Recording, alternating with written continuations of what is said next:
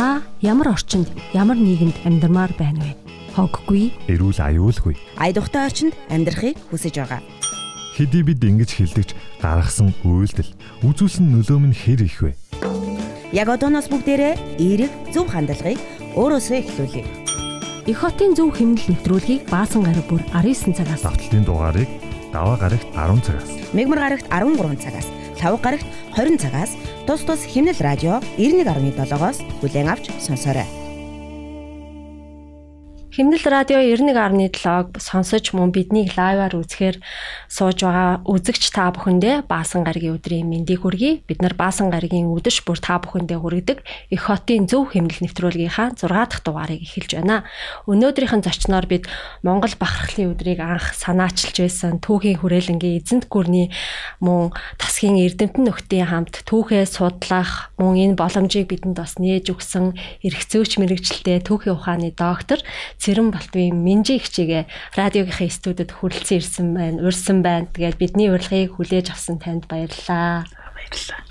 Тийм хоёр ихчтэй бас энэ өдрийн мэндийг хүргэе. Баярлалаа. Ингээд их хотын зөв хэмнэл нэвтрүүлгийн маань 6 дахь дугаараараа бид мөн хотын соёл тэр дундаа бид нар зөв хэмнэлээр амьдрах тухай та бүхэндээ үргэлжлүүлэн ярьж хүргэж байгаа. Тэгээ өнөөдөр бол эрх зүйч, түүхч мэрэгчлээ үнийг өрсөн учраас бид нар түүхийн талаас нь дээрэс нь эрх зүйн талаас нь би та бүхэндээ хотын соёлтойгоо уялдуулан бас та бүхэндээ ярьж өөрсдийнхэн бас бодол санааг хүргэх болно. За хоцорон газар ажиллаж амьдарч байгаа хүн бүрийн хийсэн үйлдэл бусдаа заавал нөлөөлж идэг.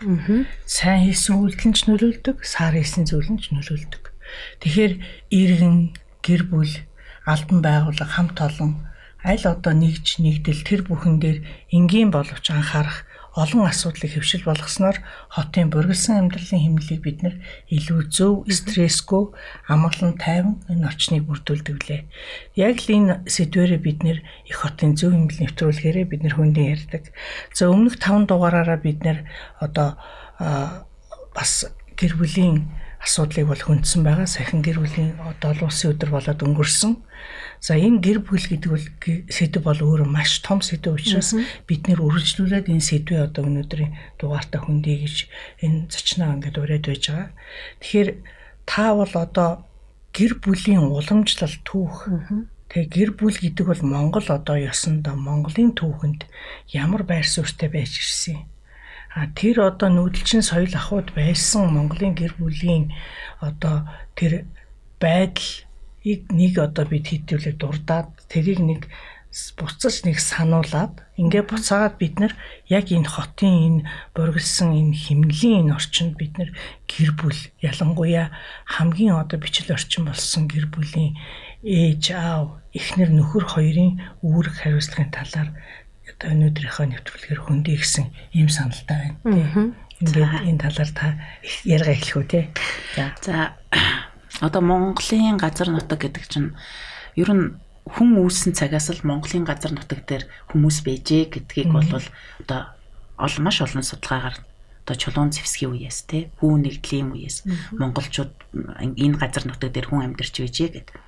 Тэгэхээр энэ хүний үлгийн нутаг болсон Монголын газар нутаг цаг үеийнхаа урттаж гисэн гэр бүл болвол одоо хамгийн ихэнд бол юу гэдэг овгоор амьдардаг гэр бүл байж. За тэгээд ингээд хөгжлийнхаа явцад бол одоо эхнэр нөхөр те гэр бүл байж ингээл янз бүрийн гэр бүлийн одоо хэлбэртэй ингээд хөгжиж ирсэн. Өнөөдөр бол бид нар бол нэг эхнэр нэг нөхөртэй гэдэг ийм гэр бүлийн одоо хэлбэрийг сонгоод ингээд амьдарч байна. За түүхэн одоо сурвалжнаас ингээд харахад бол за бид нар хамгийн түрүүнд нууц товч байгаа хүн болгон мэддэг шүү дээ хүн болгон унсан. Тэгэхээр нууц товчон дээр бол нэг их нэртэйч гэр бүл байна. Одоо одоо бүрчон гоомаар л хоёр бацаагаан гэдэг хүүтэй байжээ гэдэг чинь нэг ихнэр нэг нөхөр хоёр. За тэгжээд л явж яснаа. За ингээд нэг би одоо 30 имэс авъя эднэр гэл те өөрөөр хэлбэл олон ихнэртэй ч гэдэг юм. Эсвэл бол Монголын нөгөө залгамал ургийн ёсч гэдэг юм ингээд гэр бүлийн маш олон. Тэгээд бас ингээд өнчүн хүүхдийг авдаг. Зүгээр түүхийг ингээд хараад үзэхээр яг одоо тэр миний нөгөө судалдаг цаг үе маань их Монгол улс Монголын эзэнт гүрний үе байхгүй. Тэгээ тэр үеийн судалгааг ингээд хараад үзэхээр гэр бүл сална гэдэг ойлголт бол ер нь байхгүй шүү. Салсан одоо тэр тэрнээс салаад ингэжээ гэдэг тийм ойлголт, тийм нөгөө үлдсэн одоо түүхэн дээр бичигдэж үлдсэн юм байхгүй. Харин нөхөр нь нас барчих юм бол одоо тэр эмэгтэйг бол ах トゥ н одоо авдаг юм уу? Эсвэл бол нөгөө хин нэгэнд ингэж өгдөг. Тэгэхээр энэ юу илэрхийлээд байна гэхээр хүмүүс болохоор яадیں۔ Өө одоо дүү нас оронгууд дүүгийнхаа эхнэрийг болох гэдэг тийм дүүгийнхаа эхнэрийг авчлаа. Тэгээ энэ авчлаа гэдэг ойлголт бол одоогийн ойлголтоор явдаг заавал сексийн харилцаа биш байхгүй юу? Өөрөөр хэлбэл дүүгийнхаа гэр бүлийг авч бүтэн болгож тэр дүүгийн хүүхдүүд үнчин биш тийм ээ? Авга ах дээр элэг бүтэн өсөх тэр эмэгтэй нөгөө өнөөдрийн нөгөө өргөдөл хоолсон эмэгтэй ч юм уу эмзэг давхаргын хүн биш байхгүй юу. Тэгэхээр энэ ойлголт байхгүй болохоор тэнд бол гэр бүлийн харилцаа гэдэг бол үнэхээр тэр үед одоо юу гэдэг нийгмийн нөхцөл байдлаас ахуулаад дайн дажин ихтэй байсан. Тэгээд нөгөө нөхөр нь ингээд дайнд алагдахад тэр эмэгтэйг бол одоо овг омгоос тийм ээ гаргахгүй байх. Өөрөөр хэлбэл ийм штэ айлын охиныг гэртээ оруулж ирээд эсвэл нэг овгийн эмэгтэй гэртээ оруулж ирээд өөрийнхөө омогт авна гэдэг бол тэр омог өөрөө хүчрхэгчжээдэг байхгүй юу. Тэгэхээр тэр хүчрхэгдсэн тэр их хүчээ буцаж салгамааргүй байгаа байхгүй. Өөрөөр хэлбэл тэр одоо бат бөх байх. Тий, өөрөөр хэлбэл нэг одоо хааны ч юм уу тайжин ч юм уу охин ороод ирэхэд тэрий чин дагаад 100 шивэг чин 100 нөгөө боол зарц байд юм уу юу гэдэг нөгөө нэг их алт мөнгө өөрөөр хэлбэл эдийн засгийн хүчинч бэхжижээдэг мал ахуйн гэж бэхжижээдэг, хүнэнж бэхжижээдэг. Ийм болохоор энэ харилцаа бол одоо би тэгтээ тэр үеийн түүхэн харилцааг л хэлж байгаа шүү дээ. Тэгэхээр тэр тийм ч учраас тэр овгоосоо эмгтэй гаргана гэдэг ойлголт бол одоо тэр үед бол ямар ч үл байсан түүхэн дээр бичигдэж үлдсэнгүй би уншсангүй эсвэл. За нөгөө нэг хэсэг нь юу гэхлээр тэр эмэгтэй хүн улсыг юм уу аймгийг эзлэхдээ туугийн, тамгын эмгтэй хүнийг олзолж тэр аймгийг эзэлсэн болдیں۔ Тэрнээс аймгийнх нь бүх ирчүүдийг алаад бүх хүмүүсийг алаад аймгийг эзэлдэг байхгүй юу? Татарыг эзэлхэд ч тэр хэрээдийг эзэлхэд ч тэр найманг эзэлхэд ч тэр зөвхөн тэр аймаг овгийг толгойлж исэн хүмүүстэй л уучраа олно гэхээс биш. Тэгээд тэр нөгөө арт хүмүүнээр оролцдог байхгүй юу? Тийм учраас нөгөө яагаад хүмүүс ингэж асууд? Яагаад өст татаараасаа хоёрын хоёр ихнэр авчихваа Чингис хаан маань гэдэг асуулт байдаг байхгүй юу. Тэгэхээр тэр Есүс үнэхээр үзэсгэлэн гоодод очив. Эсвэл Есүгэн үнэхээр мундагтаач биш байхгүй. Ер нь тэр аймгийг эзлэн эзэн сунгийг нөгөө охины л авдаг байхгүй. Тийм ч учраас одоо жишээ нь юу гэдэг юм Манжин хаанд охиноо өргөдөг ч юм уу? Эсвэл Манжин гүнжнэр манад айгүй их байдаг шүү дээ. Тийм ээ одоо гүнжийн сүм гээл байна, гүнжийн зам гээл байна, манж гүнжнэр гээл байж байна. Тэгээ зүгээр энтэй холбол талаар нэг хөрхөн юу домог ярихад ингэж аахгүй манжин гүнж иржээ. Монгол ноён ингээд хүүдэ авсан байна шүү дээ. Тэгээд манжийнхаа асуужээ. За хадам аав чинь чамд юу өгвөө гэж.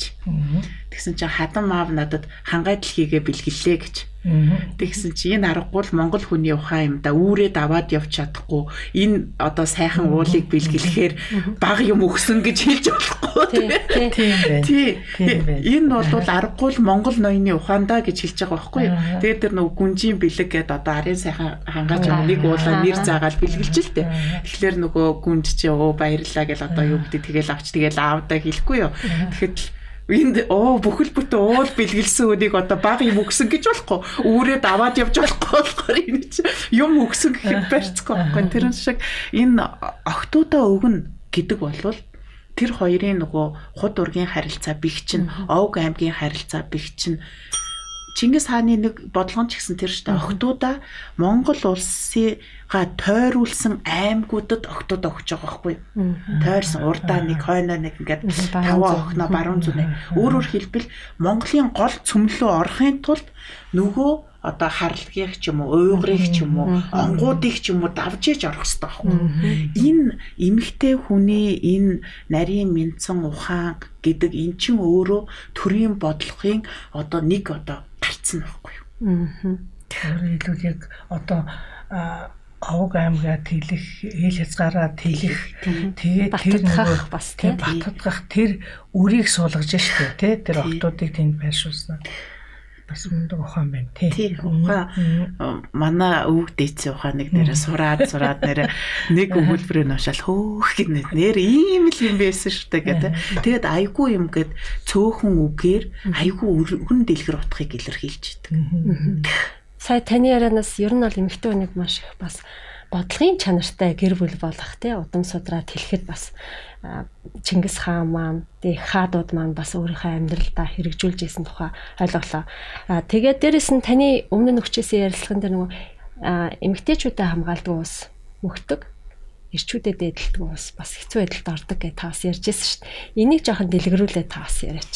Ирчүүдээ одоо бид нар дээдэлтгүй болоос орон хохирдог эмгтээчүүдэд хамгаалдаггүй болоос орон мөхдөг гэж та ярьж исэн.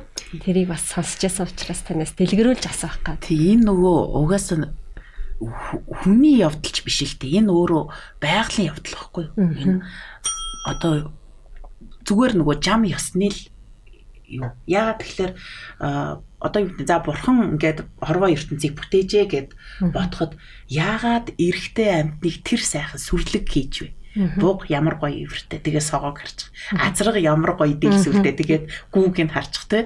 Ингээд харахаар хорвоо ертөнцийн бүх эргчин амтан эмгтээчүүдэд таалагдахын тулд эмгтээчүүдэд хамгаалахын тулд нэгд нь сайхан төрдөг байна хоёрт нь хүчрхэг төрдөг байна. энэ бол зөвхөн одоо юу гэдэг явц утгаараа ч юм уу зөвхөн эмгчин амтныхаа төлөө байхгүй юу? Тэгэхээр энэ эргчин амьтны тэр сүр хүчийг хэн гэж өдөөдөг гэхлээр им эмгчин амьтны өдөөдөг байхгүй юу. Тэгэхээр энийг ингээд улс төрлөө юм уу ч одоо хүний ертөнцлөө ингээд буулгаад эхлэхээр тэр эрчүүдээ дээдэлдэг улс болвол тийм ээ мандах нь биш үү? А хэрвээ эрчүүдээ дээдлэхгүй болвол сөхөрх нь байна. А эмгтээчүүдээ хамгаалахгүй болвол үндэстэн мөх нь байна. Өөрөөр хэлбэл эмгтээчүүд гэдэг бол үндэстний их учраас үр хүүхд гаргаж ингэж одоо нэгэн биеийг 10 бие, 20 бие, 30 бие болгодог. Энэ бол үндэстний их. Тэгэхээр энийг чи ингээд ингээд цаашаа ингээд ухаад үзэхээр юу харагдаад байна гэхлээр энэ Монгол улсын маань одоо ингээл хэрвээ бид нар Монгол улсыг хөгжиж гэнэ гэж харах юм бол сайхан хот барилга байшинтай бид нар ийм сайхан техник хэрэгцэлтэй орчин үеийнхтэй дэлхийдээ хөл нийлүүлээд алхаж гэнэ гэх юм бол бид нар тэр хэмжээнд ирчүүдээсээ тийм их ухаан гаргах дайны бид нар тэр хүмүүсийг дээш нь өргөжээ гэж харж байна. А эсэргээрээ хэрвээ Монгол улс одоо сүхэрч जैन, өрөндөө баригдж जैन, одоо газар шороогоо ухаж जैन, амьдрал хэцүү болж जैन, гэр хороололд ядуурл их байна, баян хоосны зааг ялгаа ихслээ гэд харах юм бол энэ бол бас л эмгтээчүүдтэй холбоотой. Бид нар эмгтээ эрэгтэй хүмүүсээ төдийлөн гэж одоо хийх ёстой, үүрэх ёстой ачааг нь үүрүүлээгүйгээс энэ их хотын химнэлд эмгтээчүүд өөрсдөө их ачаа үүрснээс ирчүүдийн маань ачаа хөнгөтөөд энэ улсыг маань ингэж сүрэл аваад явж байна л гэж харах гэдэггүй. Альва юм гэдэг хоёр талтай. Бид нар аль өнцгөөс нь харахаас шалтгаалаад хэрвээ бид нар сайн сайхан байна гэж харах юм бол энэ бол бас эмгтээчүүдтэй холбоотой. Хэрвээ бид нар урууданд ороод байна гэвэл энэ бас эмгтээчүүдтэй холбоотой. Тэгэхээр миний нэг зүгээр нэг ингэж боддог юм бол яг энэ түүхэн уламжлаасаа харсан ч гэсэн яг орчин үеийнхаа нийгмийг харсан ч гэсэн бид нар хүн болгон өөр өөрийн зохих ёстой ачаа үүргээ авч явах нь хамгийн чухал юм байна л гэж. Одоо бид нар ингээл ялангуяа залуу гэр бүл дээр ингээл ороод бид ч гэсэн ингээл дүүгээ харж байна. Эрэгтэй эмэгтэйгөө хоёулаа адилхан хөдөлмөрлж байна. Хоёулаа өглөө нарнаас орой нар хүртэл хөдөлмөрлж байна. Эн чинь нөгөө хотын хэмнэл маань инкээс өөр аргагүй байдал болсон байхгүй юу? Өөрөөр хэлбэл тэр айлыг хөгжүүлэхийн тулд тэр айлыг бат бих байлгахын тулд хоёулаа зэрэг хөдөлмөрлж, хоёулаа зэрэг одоо ажиллаж яаж цалин хөлс олж яаж босгож байна. А гэтэл манай нөгөө уламжлалт амьдрал болвол яадын нөгөө ирчүүд нь бүх ингээл ирчүүд нь ингэж байгаа. Арга савар хоёр байдсан бол ирчүүд нь савар шиг одоо аргалаа хумх нь биш үү? Эмэгтэйчүүд эмэгтэйчүүд нь арга шиг тэр хумсан аргалыг бацах нь байна. Тэгэхээр айлын санхүүг ирчүүд нь авчрах нь эмэгтэйчүүд нь зохицуулах нь л гэдэг. Ир им хоёрын ажил үүргийн хуваарийг ялгах юм бол арга савраар л илэрхийлэхэд тий. А хэрвээ тэр одоо юу гэдэг нөгөө арга нь химхэрхий болвол ирчүүд нь мянган юм авчирч ирээд л нөгөө арга ингээд цоорхоо юм чинтэй цацаал дуусна. А гэтэл ирчүүд нь юу ч авчрах болохгүй бол нөгөө арга нь хоосон хүндий хിവэрээ л. Гэдг л ийм л санаа юм да. Монголчууд чи ер нь удам судраа их эрхэмлдэг байсан шүү дээ. Суугч байгаа хүнээ баг баг наснаас нь одоо нууц товчон дээр бол нөгөө тэмүүжин маань 9 настай ахтаа очдөг тий. Тэгэл эргэж бие биедээ дасах хугацаа өгдөг, нөхөрлөх хугацаа өгдөг юм байсан. Тэгээд одоо бид нар ингээ харьцуулаад харахад үерхэл нөхөрлөлөөр бие бинийгээ таних эр юм хүн хоёр бие биегээ олж таних хугацаа бас бидэрт баш хэрэгтэй гэдгийг хүн болгон ойлгодог мөртлөө сүүлийн үе залуучууд маань бас бие бинийгээ таних тал дээр хугацаа бас тун бага байдлаар бие бинийгээ одоо таньж мэдээд гэр бүл болоод ийн удаа гэсэн юм бодол төрдөг. Тэгээд удам судрыг бас харахгүйгээр а одоо хайртай те би хайртай юм чинь. Битээр би бинийхээ хайраар л амьдраад амьдралаа цааш нэгэд аваа явчих. Хайр байхад бүх юм болно штэ гэж бас ярьдаг штэ те. Тэгэхээр та орчин үеийн амьдралтаа одоо манай залуучууд маань удам судар монголчууд ч удам судраа бэлгшээдэг судалдаг арт түмэн байсан. Яг энийг түүхэн талаас нь хоттойгоо та уялдуулж орчин үеийн залуусын амьдралтаа бас уялдуулж а ер нь хэлвэл та юу гэж хэлэх вэ? Мэдээж манай дээр одоо бэрийн шинж минж гэл мундаг юмнууд байна шүү дээ. Бэрийг заавал шинжиж авдаг гэж. Энэ юу хэлээд байна гэхлээр түрүүн би хэлсэн эмэгтэй хүн тэр айлын удмыг залгадаг их үнцэн байдаг. Тэгэхээр ямар бэр авснаас тэр айл дивжгүй уруутах уу гэдг нь харагддаг. Хүмүүс удам судар гэд ярихаар одоо ихэнх ингээл хүмүүс өө би ч яста мундаг ламын удам штэ. Би мундаг тайж удам. Өө би ч яста өө заадах ч яста мундаг одоо боссын хүү гэсэн яста. Удам судар нь асуудалгүй мундаг байгаа гэж боддог ярьдаг байхгүй гэтэл энэ хотын амьдралд удам судраа мэдхгүй өнчүн өрөөсөн ах дүүгээсээ төөрөлдсөн. Одоо юу гэдэг ижи аав нь залууд нь өнгөрцөн ийм маш олон хүмүүс байгаа. Тэр хүн хайгаад ч өөрийнхөө удмыг олохгүй байхгүй юу. Одоо жишээ нь миний аав хэн байсан бэ? Аавын маань аав хэн байсан бэ? Магадгүй ах トゥ цөөдөө хүндж байж болно шүү дээ. Гэтэл удам судрыг тэр хүн өөрөө тээж явж идэг байхгүй юу. Тэрийг заавал аавыг мэдчихээж, өвөөгийг мэдчихээж, ах дүүсийг нь мэдчихээж удамтай судартай хүн байна гэж харах албагүй. Айгүй амархан Монгол ухаан чинь их амархан гоё юмнууд байдаг штэ.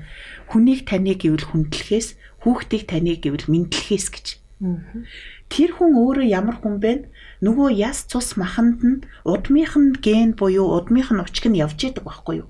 Тэр хүүхэд үнчэн байж болно. Тэр хүүхэд ядуу байж болно. А гэхдээ тэр хүнд бол удмынх нь мэдээллийн сан байдаг учраас тэр хүн хизээч одоо юу гэдэг мөн хүн биш байхгүй юу?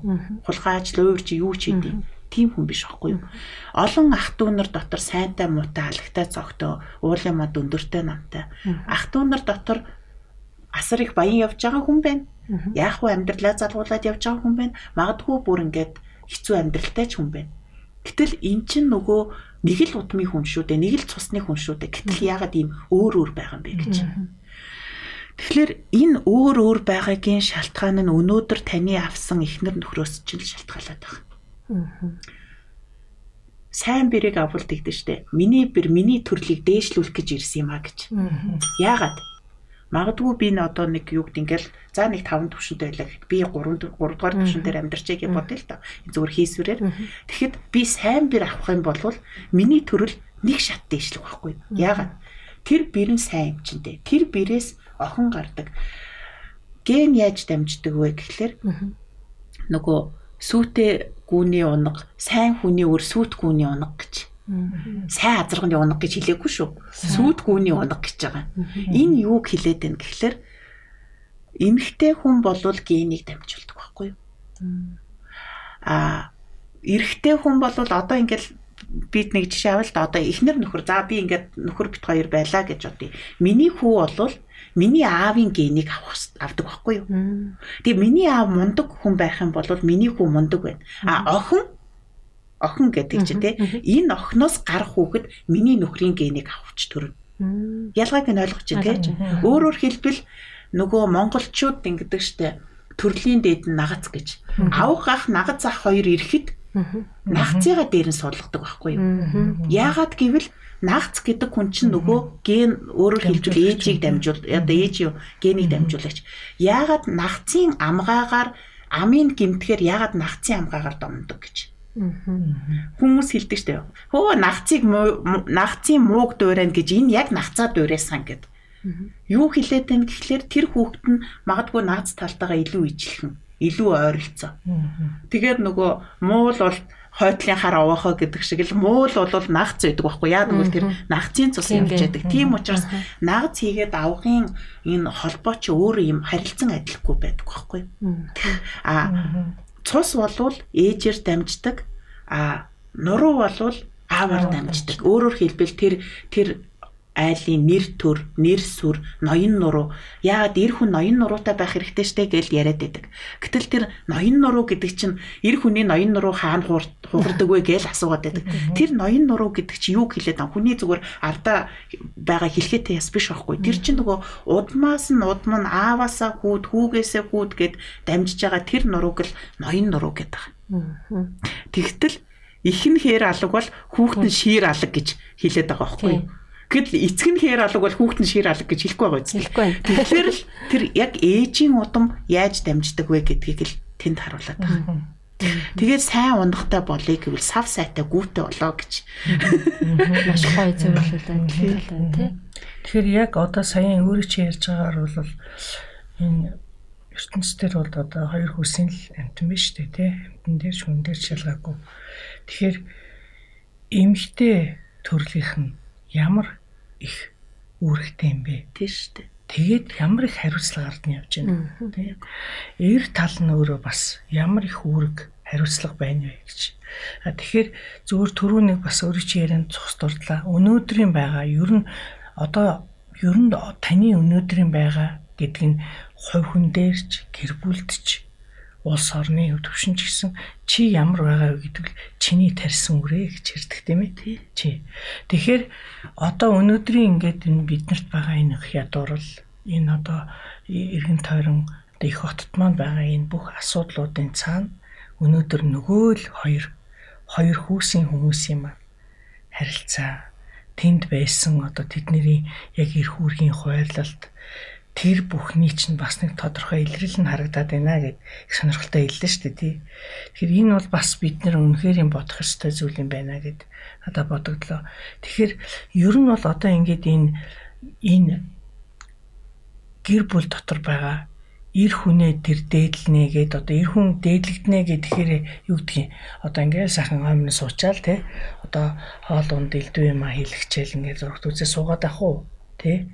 Үгүй. Тэгэхээр энэ бүхнийг шүү дээ энгийн нэг тийм ойлголт төрсэн байгаа байхгүй юу амьдралын хэмнэл дотор тийм. Тэгэхээр энэ бүхнийг бид нэр яг тэр одоо сайхан уламжлалаар гараад ирсэн эр хүний тэр хүчрэхийг хамгаалах тийм тэр одоо зан чанарыг өнөөдөр бид нэр залуучуудын дундаа яаж сэргивэл яавал одоо энийг одоо тэдэнд хүргэх вэ гэдэл надад тэгэл бодогдоо явчлаа л да.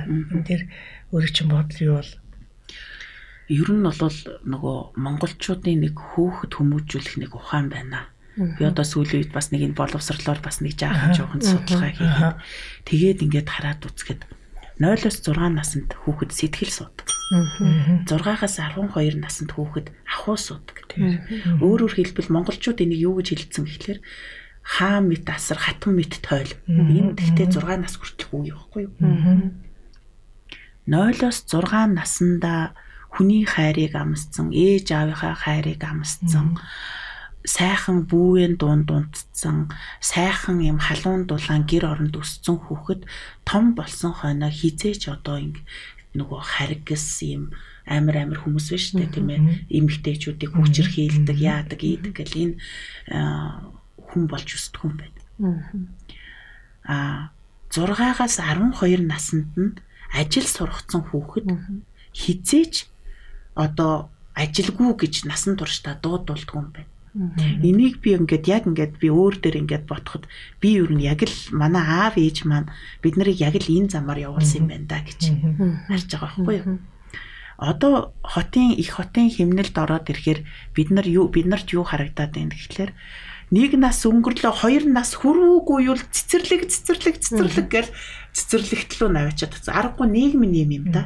А гэхдээ бид нар цэцэрлэгийг яг тэр гэрийн орчин шиг тийм гоё халуун дулаан байлгаж чадах юм бол бид нар цэцэрлэг дотроо хүүхдүүдийг ив ихтэй байлгаж сургана.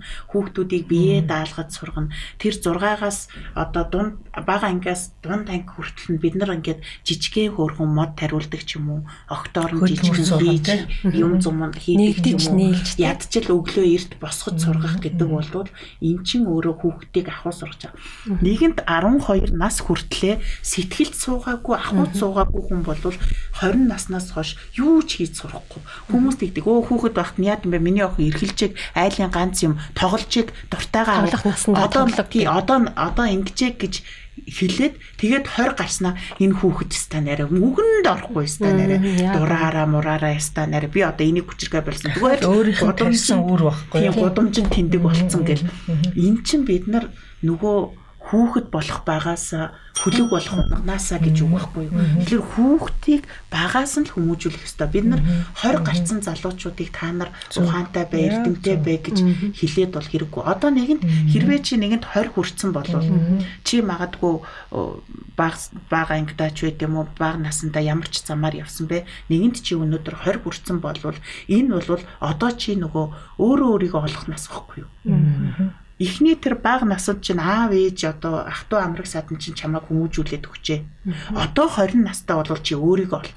Өөрийгөө олохын тулд яах вэ гэхээр нөгөө өглөө босох ёстой юу, ажил хийх ёстой юу, яа юу яаж хийх нь хамаагүй. А гэхдээ чи өөрөө хинбэ гэдгийгээ танин мэд. Хэрвээ өөрийгөө танин мэдсэн хүн бол өрөөлийг танин мэдхэд амархан байхгүй юу. А гэтэл өөрийгөө ч таниагүй хүн нэг сайхан охин хараад царайнд нь дурладаг. Тэгэд өөрөө би ямар юмд уурладаг вүлээ. Надад юу дургу билээ. Одоо жишээ нь магадгүй би ингээд улаан өнгөнд дургу байхад нөгөө найз охин маань ингээд улаан утас өмсөөл байвал эн чинь миний дургу өргөн үсттэй. Өө би чинь улаан юм дургу штэ. Яс махнасаа дургу. Гих мэдсэн өөрийгөө таниагүй бэжэж өрөөлийг тань гэж байхгүй. Тэгэхээр залуучууд минь эхлээд өөрийгөө тань.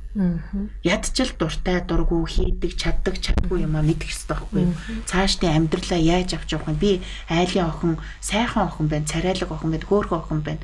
Өстой гоё хувцастай юм байна, гоё хүмүүстэй юм байна.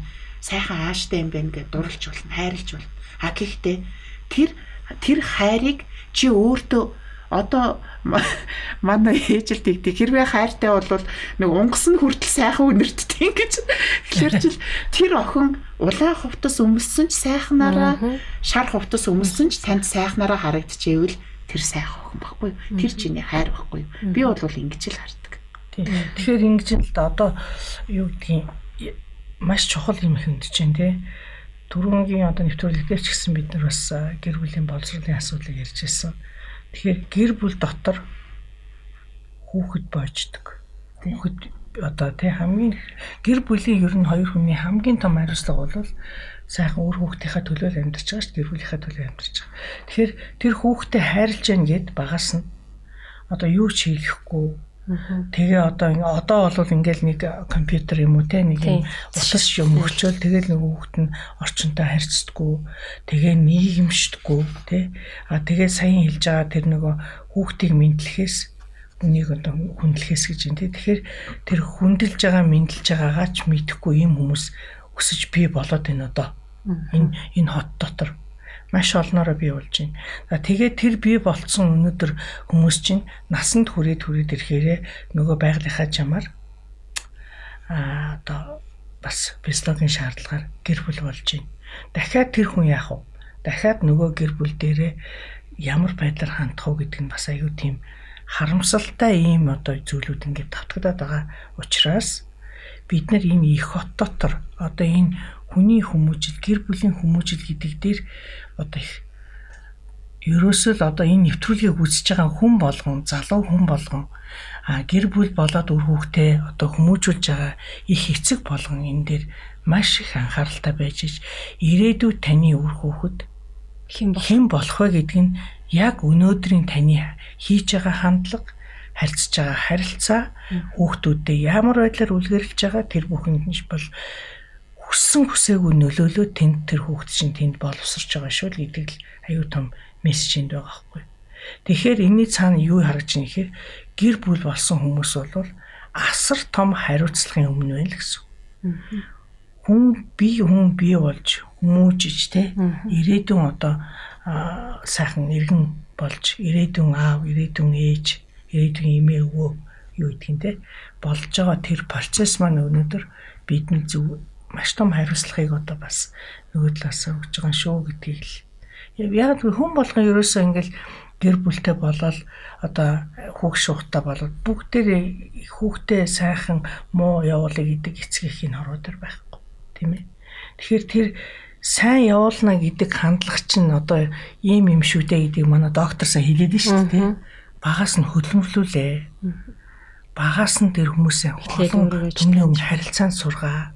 Багаас нь одоо хамгийн наазах нь гутлаа зөвүүдэд сур одоо нэг юм нэг нэг дээр нэмэх хоёр гэдгийг сурхаасаа илүүтэйгэр эхлээ чи хүн болох ёстой шүү гэдэг л зүйлийг хэлээд байна гэж тий. Тэ хүн болох ухаан гэдэг юм чинь өөр.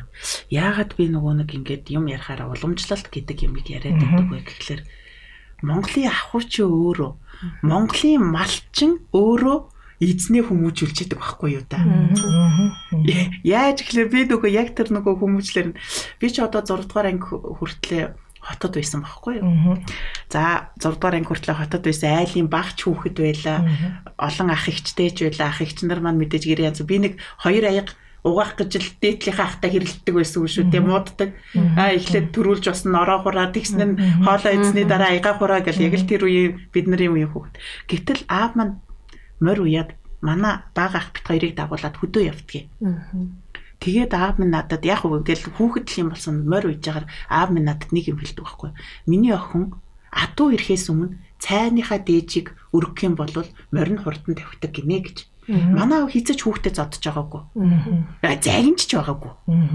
Дандаа нэг тэгж нэг хилдэг одоо нэг ингээд тэгээ яг хүүхэд би ч бас тэгэж хөөрхөн шартай хүүхэд болохоор нөгөө морио хурдлуулах гэдэг шүү дээ. Хүүхэд юм болохоор тэгээд өглөө босоод одоо ах адуундаа явлаа гэл ингээл босч байгаа мэддэг шүү дээ. Ахыг адуундаа явхад л би зэрэгцэж усаад цайгаа чанаал тэгэхээр чин тэгээд дүнгижл ингээл үүр цайгаал өглөө ингээл нар мантахаас өмнө алдуу ирдэг байхгүй юу. Тэгэхэд л би чин цайгаа өргөөл дээжийн өргөөл бас аа морь минь хурдлаараа эдгэргээл хүүхэд болсон. Тэгээд тэгээд нэгтэн тэгж чам. Тэгээд тэр чин бол аяндаа нөгөө хүүхдийг өглөө ирж босгоод сургацж байгаа юм.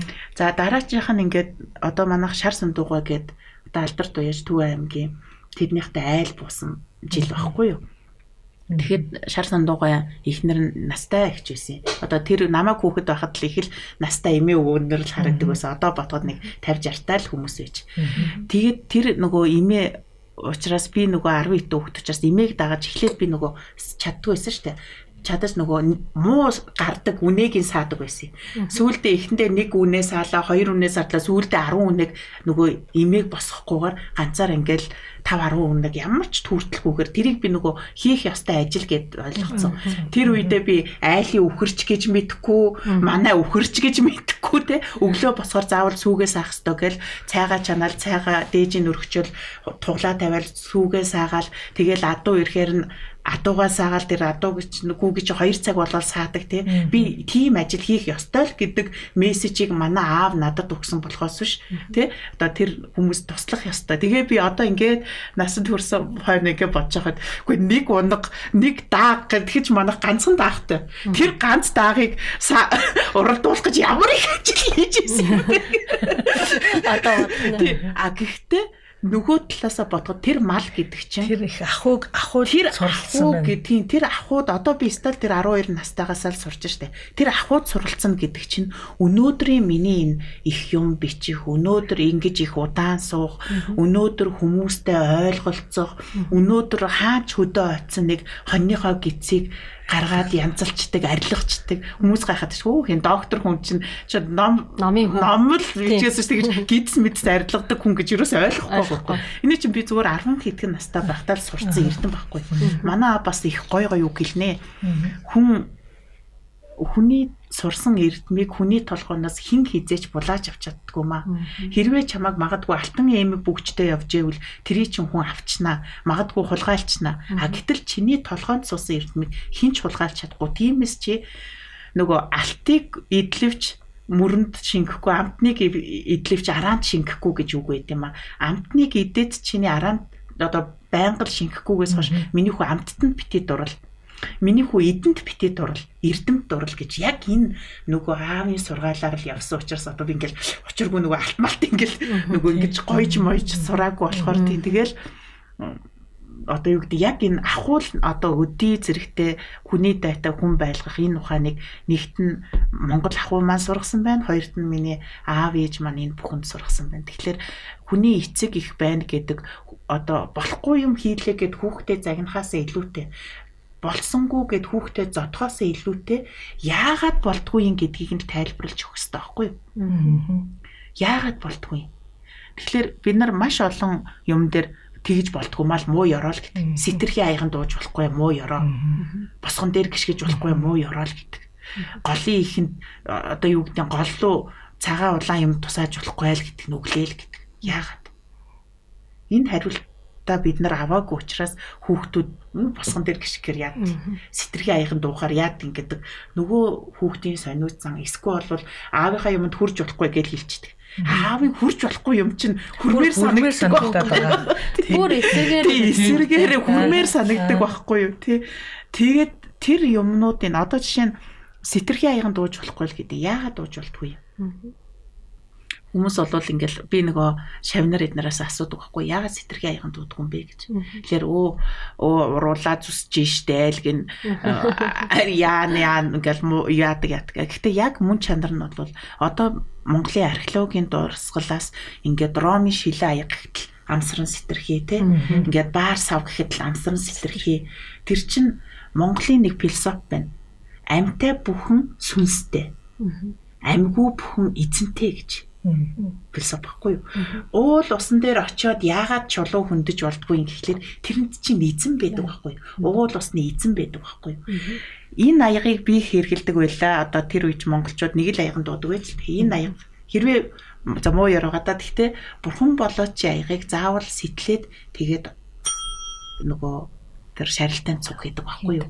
Тэгжээж энэ аяны аягны эзэн өглөө энэ аяг өглөө гэж. Тийм учраас сэтэрхий аяг болвол одоо нас орсон хүний аяг шиг эзэн биег болцсон аяга гэдэг байхгүй.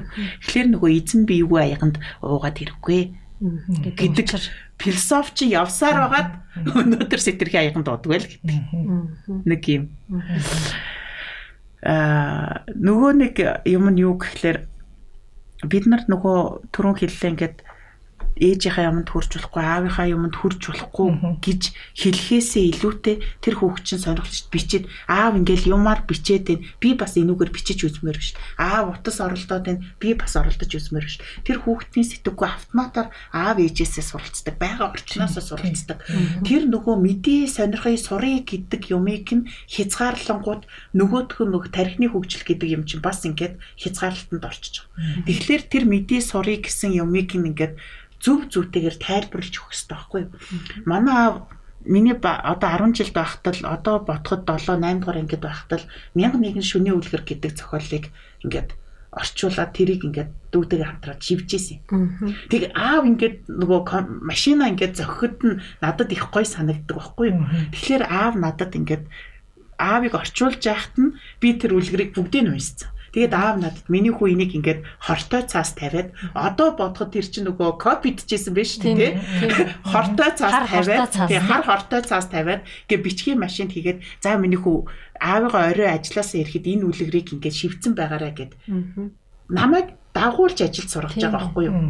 Тэр чинь дөнгөж л 10 та хүүхэд тэр алдаа бичгийн зөв буруу янз бүрээр л бичин. Тэгтэл би магадгүй эхний нэг 2 3 үлгэрээ алдсан баг. Сүүлийн үлгэрээ би зүгээр ингээд 13-ны бичээ чиглэл зогтдог байсан нөгөө. Тэгэхээр чи дөнгөж 10 итэ. Тэгэхэд манай аав аавын маань тэгж дагуулж сургасан юмнууд манай аав маань бас гээд манай том ах нарт ингээд би одоо яг сайн санддаг байхгүй ингээ имэйл төхөөрнө гээд.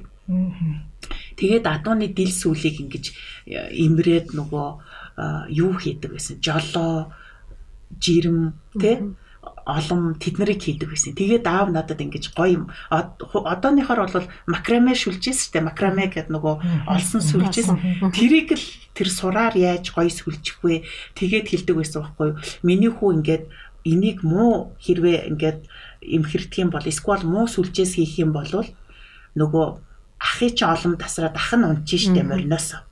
Тэгэхээр би чи. Ахыгаа унгаах ахыгаа унгаахгүй тул сайн хийж байгаа байхгүй юу тий. Тэгээд энэ чинь өөрөө чанартай. Эн чинь нөгөө яг нөгөө хүнд мөн чанарын тайлбарлаж өглөөр хүүхэд хүртэл тийм амархан юмыг сурдаг. Тэгээд би одоо олом жирэм шүлжин юу гэдгийг жолоо зурбур хийхэд бол асуудалгүй. Эн чинь зүгээр л ахуудаа сургаад. Тэгээд намайг энийг хий гэд өгчүүл би хийхгүй шүү дээ. Тэ яг хүүхдээ ингээд сонирхол дээр нь ингээд батаад өөрөө ихлүүлээд ингээд тэр зааж өгөх юм одооны нөгөө залуучуудад байхгүй болчих.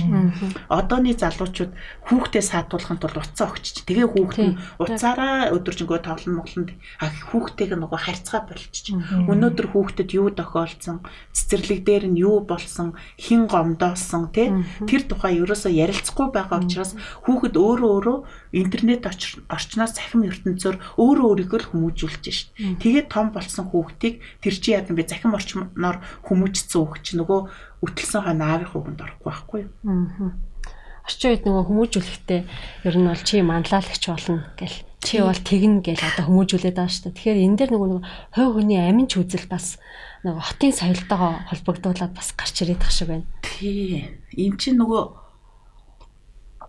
суурин соёлын л нөлөөлдөө.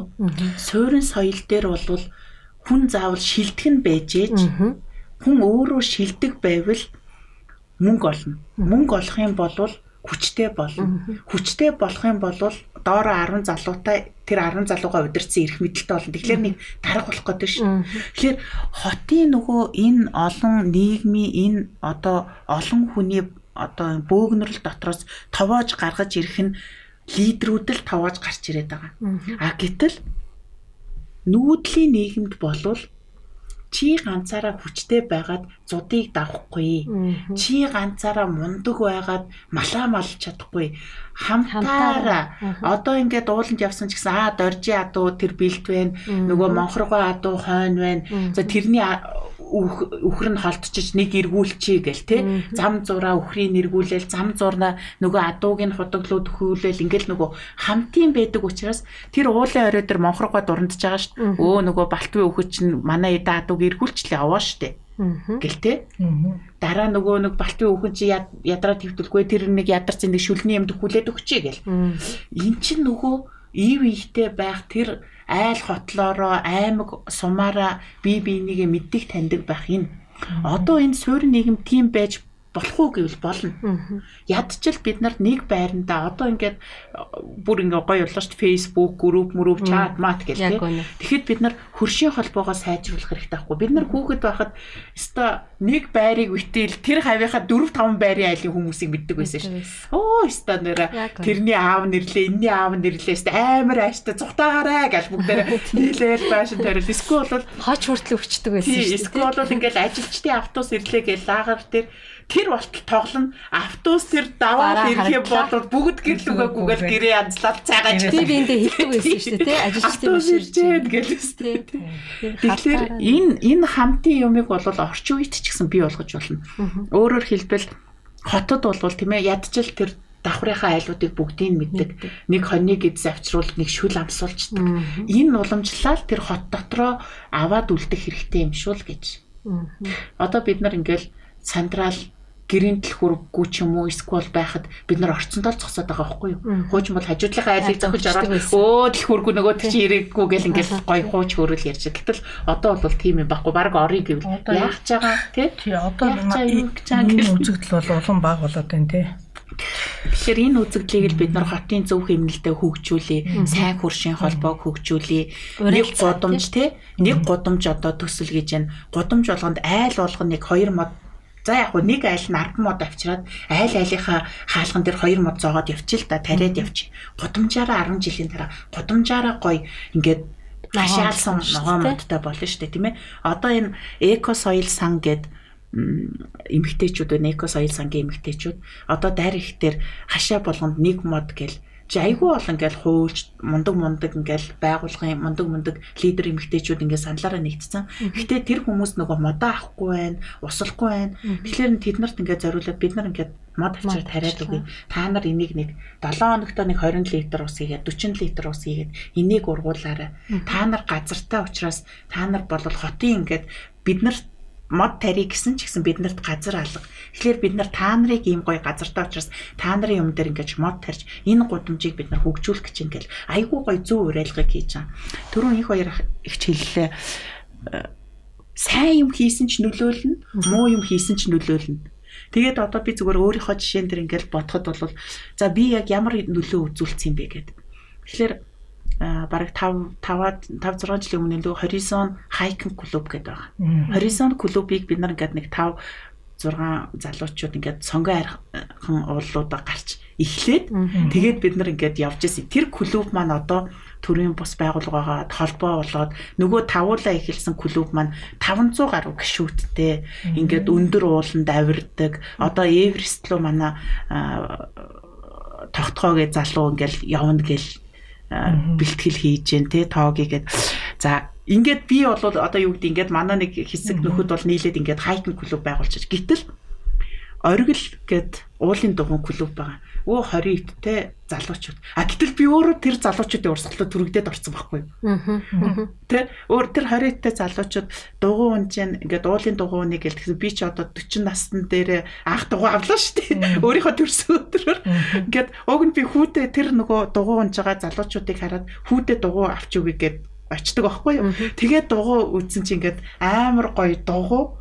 Тэгээ би чин дугуй он чаддгүй хүн чи харсан чин зүгээр нөгөө юм ингэдэж штэ энэ миний дугуй, энэ миний юм гэд нэг нүдэнд харагдчих. Тэгээд би тэр дуу хүүд авчих гэжсэн хүүдээ дугуй авчих гэж яваад өөрөө дугуй аваад тэгээд дугуйгаа унаа дараа сар нь манай хүүгийн төрсөн өдөр болдог байхгүй юу. Дараа сард нь хүүдээ дугуй авч өгөө. Тэгээд тэр оргил гээд уулын дугуйн клубийн залуучуудаа нийлээд Тэгээд би чи одоо энэ өвөлчин тий өвөлчин нөгөө хоёр гүүрний одоо инх тайвны гүүрнээс баян зүрхийн гүүр хүртэл туул горлоор ингэж мөсөндээгүр дугуйтай явж үзлээ. Тэр залуучуудтай нийлээд энэ урагшаага налаахын замаар явж үзлээ. Дараа нэг хэсэг бүлэг найзуудтайгаа нийлээд юу орж үзлээ. Төв аймаг дугуйтай орж үзлээ. За тэгжээтэл нөгөө манай хард боди гэд фитнесийн ингээд хамт олон клубын залуучууд байна. Тэдмэр маань бас дугуйтай нийлээгээд дугуйтай нийлээд бид нар энэ юунаас баян даваанаас хэрлэн гол хүртэл дугуйтай явлаа. Одоо ингээд нөгөө баг нөгөө оргил дугуйн клуб руу анх нийлсэн хүн чинь эмэгтэй найзуудтайгаа нэг болоод дараа нь фитнес клубийнхантайгаа нэг дугуйна. Тэгээд одоо энэ дугуйтай гэр бүл гээд нэг гурван хүүхэдтэй ануу гэд айгүй хөрхөн охин гэд дугуйтай гэр бүл зөв одоо хотын нэг соёлыг л түгээе гэж явж л да. Тэгээд тэд нартай нийлээд бүр дунд говь хүртэл дунд говийн аймгийн төвөр дугуй муутай явж байна. Эн чинь ингээд би нөгөө өөрөө надаас ингээд нэг юм дэлгэрхээс гадна би өөрөө тэр олон маасуудад ингээд өөрөө урсгалаараа татагдаж ороод байгаа байхгүй юу. Ерөөс би тэгэл хүүдээ хийдэлдэг байхгүй юу. 40 настай. Тэгээд энэ их жинтэй те 40 настай. Тэгээд дугуй унаа. Тэгээд 16 та хүүгээ дагуулад явж байгаа ээж вэ дүү гэл хүүгээ явуулдаг байхгүй. Тэгэхээр бэ штэ. Тэгэж манай ээж өстө цоглог чиг. Хүүд нөлөөлөх нөлөөлөх бас. Тэгэхээр энэ энэ дугуй соёл гэдэг чинь надад нөлөөлж гин, манай хүүд нөлөөлж гин, манай гэр бүлд нөлөөлж гин те. Ингэ чинь явсаар байгаа хотын соёл. Хотоо цөмөрөө дугуйтай явцгаа гэдэг. Ер нь бол хот маань сайхан соёлтой байна гэдэг маань нөгөө биднээс танаас нөлөөлнө гэж би тэгэд яриад байгаа. Тэгэхээр тэр нь бол хувь хүнээс аюух нөлөөлж байгаа байхгүй хувь хүнээс. Тэгэхээр хувь хүн та өнөөдөр тий маш хариуцлагатай соёлтой байх ёстой л гэсэн нэг хэм хэмнэл юм уу дэг жаягийн юм уу зан заншлын асуудлууд энд яригдж шít. Тэгээ Минжингийн ярианс ингээд би ингээд яг нэг гэр бүлийн жишээг айгүй гой тод сонслоо л доо. Тэр одоо бяцхан охин те авыгаа дагаад тэр нэг л одоо морь уралдуулахаар явсан усууд юм шиг байна шүү Тийм дээ. Ганц нэг даахтаа л явсан. Би бол ихэд их тоо их олон адуутай хүмүүс болов гэж бодлоо. Би бас тэгж ярьсан. Чи нэг л морь уралдуулахаар яванга очоод тэнд өглөө эрт бас сурсан байна. Тэ тэр одоо хангаа дэлхийдтэй харьцаж тэ тэр цаныхаа дээжийг өргөж тэр бяцхан охин сурсан байна. Тэр ав бол одоо энэ адуу малтай энэ мал гэдэг бол Монгол ах уу юм шүү гэдгийг хүүхдүүдэд мэдрүүлсэн байна тий хэдийгээр одоо хотод өсөрсөн ч гэсэн яг тэр тэгээ багаасаа тэр одоо аав нь одоо тэр нөгөө юун дээр манай Минжингийн аав өөрөө бас төх ухааны доктор Цэрэн Балтаг гэж мунд эрдэмтэн хүн байгаа л да. Тэгээд тий эдийн засгч үү тий. Тэгээд тэр хүний одоо бас энэ нөлөө одоо яг хүүхдтэй яаж эргээр нөлөөлж исэн гэдэг нь гэр бүлийн яг ингээд өөрийн гэсэн юм нөлөөлөл хүмүүжил ингээд гард. Тэгэхээр аав нь тэр одоо бичгийн машин дээр ток ток гэж зураад байхад миний охин энэ дээр бичээрэй гэж аав нь хэлээгүй л шүү дээ. Аав нь тэгээ ток ток гэж тахаар тэрийг ингээд охин хийхээсэн гэсэн бодол одоо хүсэл эрмэлзэл төрөөд тэгээ тэрэн дээрээ одоо юм бичээд дөрөөлөө сурцсан байна. А гítэл өнөөдөр аав ээж хоёр хоёулаа уцаа байраа суугаад байвал тэр нялх амтан чинь тэр одоо энэ дөрвөлжин юм юу юм бол те сонирхол. Би юу их юм бол гэсэн тэр одоо зүйл гарах нь шүү дээ. Тэгэхээр өнөөдөр одоо захим ертөнц хөгжиж जैन хүмүүс мэдээж хэрэг мэдээллийн эрен зунд маш их одоо ингээд юг мэдээлэлгээ бол уцаараа тэгээ одоо босод энэ зүйлээс авж байгаа хэдий боловч хүүхдтэйгээ амьд харилцаа үүсгэрээ. Тий тэр хүүхдтэй тэр 6 нас хүртэл ямар байх юм? 6-аас тэр 12 нас хүртэл нь ямар байх юм гэдэг нь таны ирээдүйн хүүхэд хэн болох вэ гэдэгтээ асар их нөлөөтэй юм а гэдгийг сая манай доктор маань хэлсэн үг нэлээд гарч ирлээ тий. Тэгэхээр одоо бид нар энэ хурим хийгээд байна тий одоо хурим хурим гэж одоо айгүй гоё хурим хийгээд маш их салж байна. Би одоо саяхан нөгөө нэг юм нэг гэр бүлийн статистик харж исэн чинь гэр бүл болсон салалт хоёрын тэр график бол ерөөсөө бүр гайхшрал төрүүлсэн байхгүй юу? Гэхдээ яасан их гэр бүл болж яасан их салдаг юм бэ гэж тийм. Тэгэхээр тэр салж байгаа гэр бүлийн цаанд болгон дахиад магадгүй нэг хоёр хүүхд төрсөн л байна. Тэгэхээр тэр нэг хоёр хүүхэдтэй бол нөгөө төрөний манай Монгол уламжил дээр бүтэн амьдралыг бий болгодог тэр зүйл маань тэнд өвүүлэгдээд ч юм уу нэг үл ямар нэг байдлаар бас нөлөөлөд эхэлнэ шүү дээ. Тэгэхээр энэ хурим гэж одоо энэ би зүгээр нь хурим хийх гэж байгаа залуучууд байж магадгүй одоо тийм ээ. Аа тэгэхээр тэднэрт хандаад энэ хурим гэж одоо ямар байх хэвтэй юм. Тэр нь ямар хариуцлага дээр энд одоо би одоо хариуцлага гэдэг нэг тийм албаны үг хэрэглээд байна л да. Тэрэн дээр ямар одоо тэр одоо хүмүүс дээр те өөрсөнд нь нийгмийн өмнө болон гэр бүлийнхээ өмнө том үүж байгаа ачааг тэднэр авах гэж байгаагаа мэдэрчээж энэ одоо үйл ажиллагаа эхлэх ёстой баг. Нэг талын энэ бол гайхалтай баяр. Тэгэхээр энэ талаар та бас өөрийнхөө судалсан асуудал зүйлээсээ хаваалцгаа. Тий яг хурмын талаар яг яг хурим гэдэг чиглэлээр бол судалсан юм байхгүй тий. Гэхдээ хурмыг зүгээр би хувьдаа бол юу гэж ойлгодог вэ гэхлээр энэ бол нэгдүгээрт нь бол хоёр хүн гэр бүл болж байгаагаа бүх ах дүү нарынхаа өмнө альбан ёсоор зарлж байгаа хэрэг. Өөрөөр хэлбэл энэ их баярт мөчөө танаа охин манаа дэрлээ, танаа хүү манаа дэрлээ. Бид нар худ ураг олцлоо. Нөгөө холыг ойртууллаа гэдэг шиг энэ худ ургийн харилцаа гэдэг чинь өөрөө эрхэм нандаа харилцаа байхгүй юу? айлаас одоо айлаас охин аваад бэр болгоцсон хадам ээж бид нар ингээд ярихаараа хадам ээж болохоор л нэг хадны мангай шиг юм төсөөлөд идэг байхгүй юу? Гүйлдэ хадам ээж ямар гоё хадам ээж байгаа одоо зөндөө жишээнүүд байна.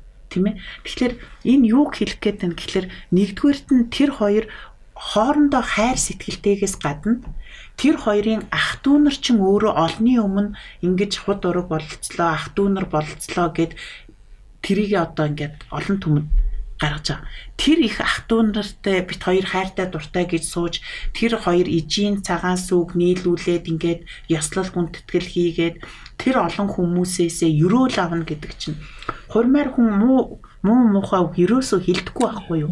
Хурмаар хүн үргэлж өрөөж идэг.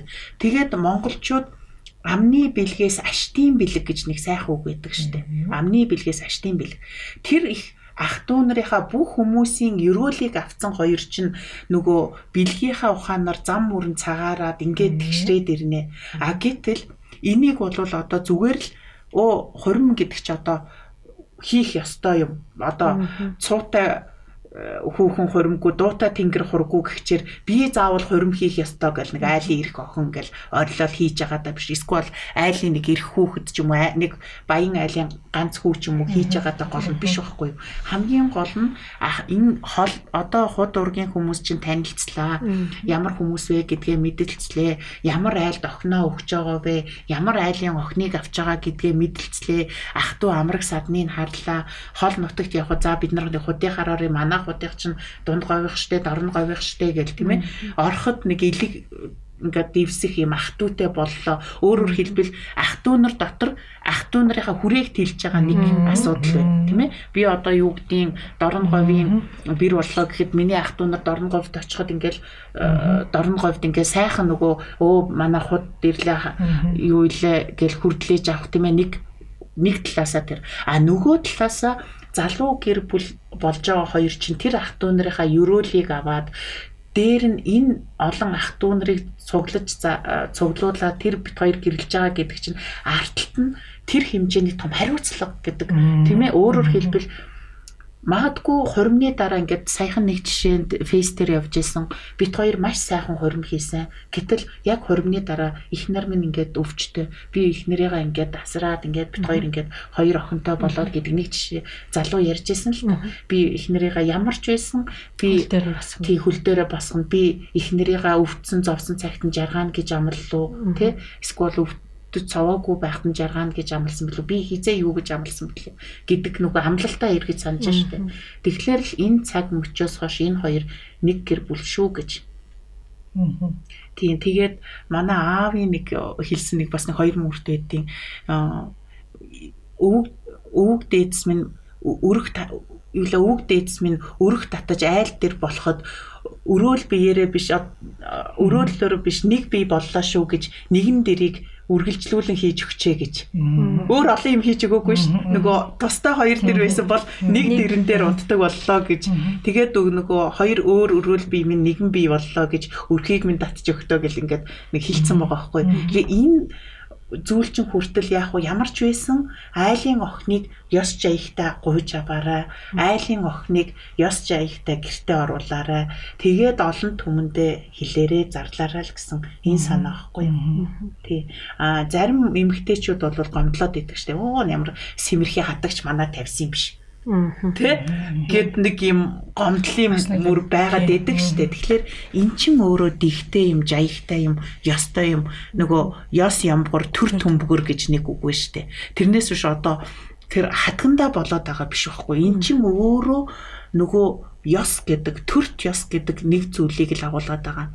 Бид нарт ингээд төрт ёс, ёс гэхлээр одоо нөгөө юу гэдэг нэг церемони буюу ёслол хүндэтгэлийн ажиллагаа гэдэг юм руу анхаарат байна. Гэтэл үгүй штэ гэрт хүртэл төрч ёс байдаг байхгүй юу?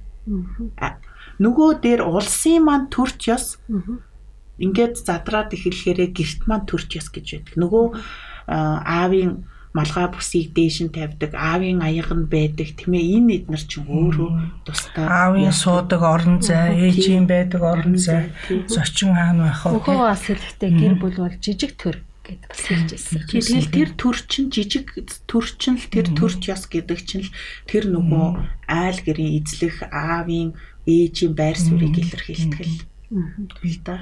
Тэгэхээр сая нөгөө миний асуусан тэр хоримтой холбоотой юу бол ерөнхийдөө би юу гэж яг л одоо нэг ийм асуудлыг хөндөсөө энийг твшүүлээсээ энийг олон хүмүүс бас ойлгосоо сонсоосоо гэж бодож асуулаа л да. Ер нь бол хорим хийнэ гэж хорим хийнэ гэдэг маань яг одоо нэгдүгээрт одоо гэр бүлийн хүрээ тэлэгдэж байна. Ах дүүсийн хүрээ тэлэгдэж байна тий. Удам судрын хүрээ тэлэгдэж байна.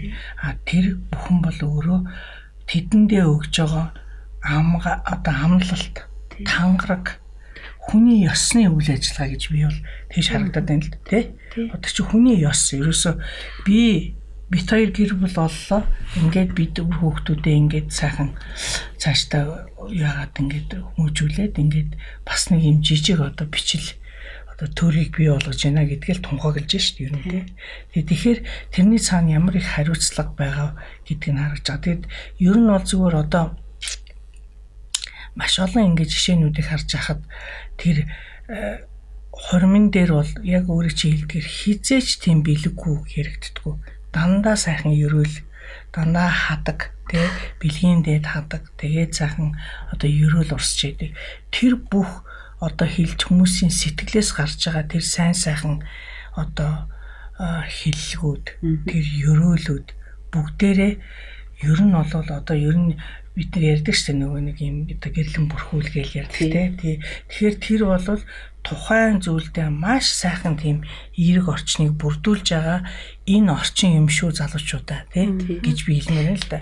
Тэгэхээр энэ бүх тэр тэр гоё өнгөтэй тэр хамгийн баяр баясгалангаар дүүрсэн тэр аз жаргалтай мөч чинь амьдралыг чинь насан туршид нь ихэнх цагийг чинь эзэлж байгаасай цаг хугацаа өнгөрөх тусам ямар нэгэн үйл ойлголцох зүйлээс болоод ямар нэгэн зөрчлөөс болоод бие биендээ тооних гомдох юм асуудал амьдрал дээр баян ухраас гарна. Гэхдээ энэ цаг хугацааг бид нэр аз жаргалаас хомсолох уу? Аз жаргалтай хугацаагаа илүү байлгах уу гэдэг бол залуусаас та бүхнээс шалтгаална шүү гэдэг л би бол онцолж хэлмээр. Бас яг хөрмөн дээр би саяхан одоо надлаа урсан бол чинь манай ахын хүү хөрмөө гэд тэгээд би дүүдээ хэлж ийсэн. Үзэсгэлэнтэй ихнэр авна гэдэг залуу насны гоёлоо.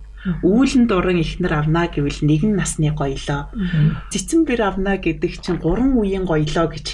Тэгээд миний бэр ста царайлагч юм үгэн ч цэцэн юм гэж хэлжээс өгөхгүй. Тэгэхээр үнэхээр тийм. Үзэгсэлэнтэй царай гэдэг чинь үнэхээр залуу насны л гоё. Үүлэн дуран бэр гэдэг чинь тийм ээ.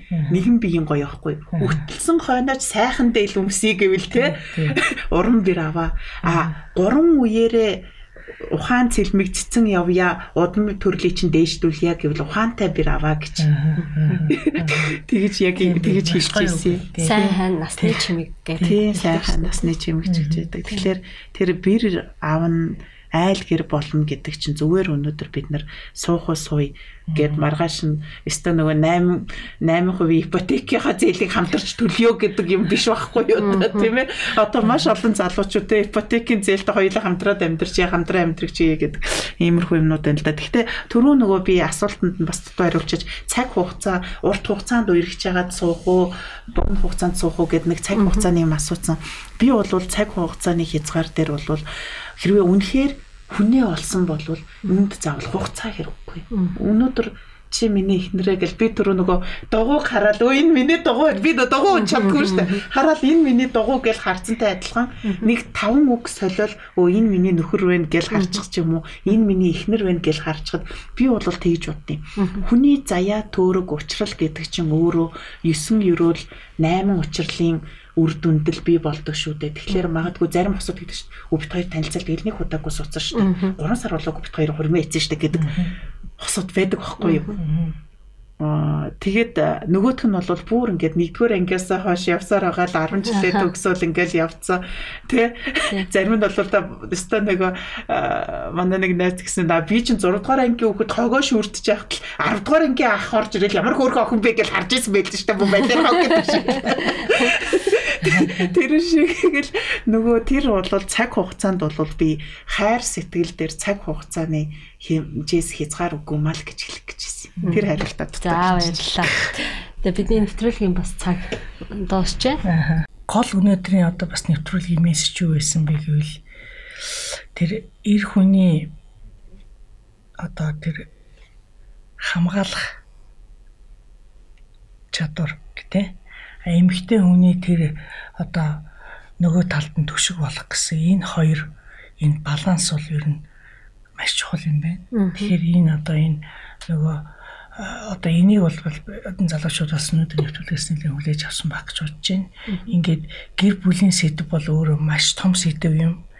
Тэгээд эргэн тойрон гэр бүлийн хүн болгон ер нь тодорхой хэмжээний одоо гэр бүлийн орчинд амьдарч өсөж өндийж өдөө өдийг хүртэл одоо амьдарч байгаа учраас өөрийн гэсэн туршлагатай, өөрийн гэсэн мэдлэгтэй болцсон хэдий ч бид өнөөдөр гэр бүлийн сэдвэрээ хүн болгоны бас залуучуудын тэ одоо мэдээлэлд мэдлэгт нэмэр болох уу гэж одоо энэ нэвтрүүлгээ та бүхэн зориулж байгаамаа.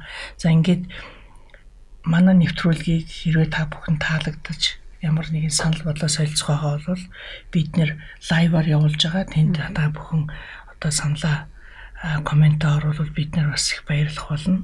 Ингээд бас олон хүнтэй хуваалцаж нэвтрүүлгийг та бүхэн сонсоорой гэж ингэж бодож байна. За өнөөдрийн бидний нэвтрүүлгийн одоо хурж ирж урилга авч тэгээ энэ сайхан одоо уламжлал соёл Монголын ахуй за тэгээд гэр бүлийн энэ одоо ноён руу болсон ичи аав ир им хоёрын одоо энэ үүрэг хариуцлага тэдний нийгэмд эслэх байр суурь хүүхдүүдийнхээ өмнө хүлээж байгаа одоо тэр том хариуцлагын талаар маш сонирхолтой хувийн жишээн дээр холбож ярьсан менжин доктортой амжилт хүсье. Маш их баярлалаа. Тий. Тэгээд нэвтрүүлгийн Ингээд манай нэвтрүүлгийн төгсгөлд бол бидний нэг өрөө байдаг. За энэ өрөө бол хотын соёл биднээс танаас. Аа. Анхаарал тавьсан та бүхэнд баярлалаа. Та ямар орчинд, ямар нийгэмд амьдармаар байна вэ? Хоггүй, Эрүүл аюулгүй. Айдухтай орчинд амьдрахыг хүсэж байгаа. Хэдий бид ингэж хилдэгч гаргасан үйлдэл үзүүлсэн нөлөө нь хэр их вэ? Яг одооноос бүгдээрээ эерэг зөв хандлагыг өөрөөсөө эхлүүлье. их хотын зөв хэмнэл нэвтрүүлгийг баасан гараг бүр 19 цагаас Давталтын дугаарыг даваа гарагт 10 цагаас Мегмар гарагт 13 цагаас, лав гарагт 20 цагаас тус тус химнэл радио 91.7-оос бүлээн авч сонсоорой.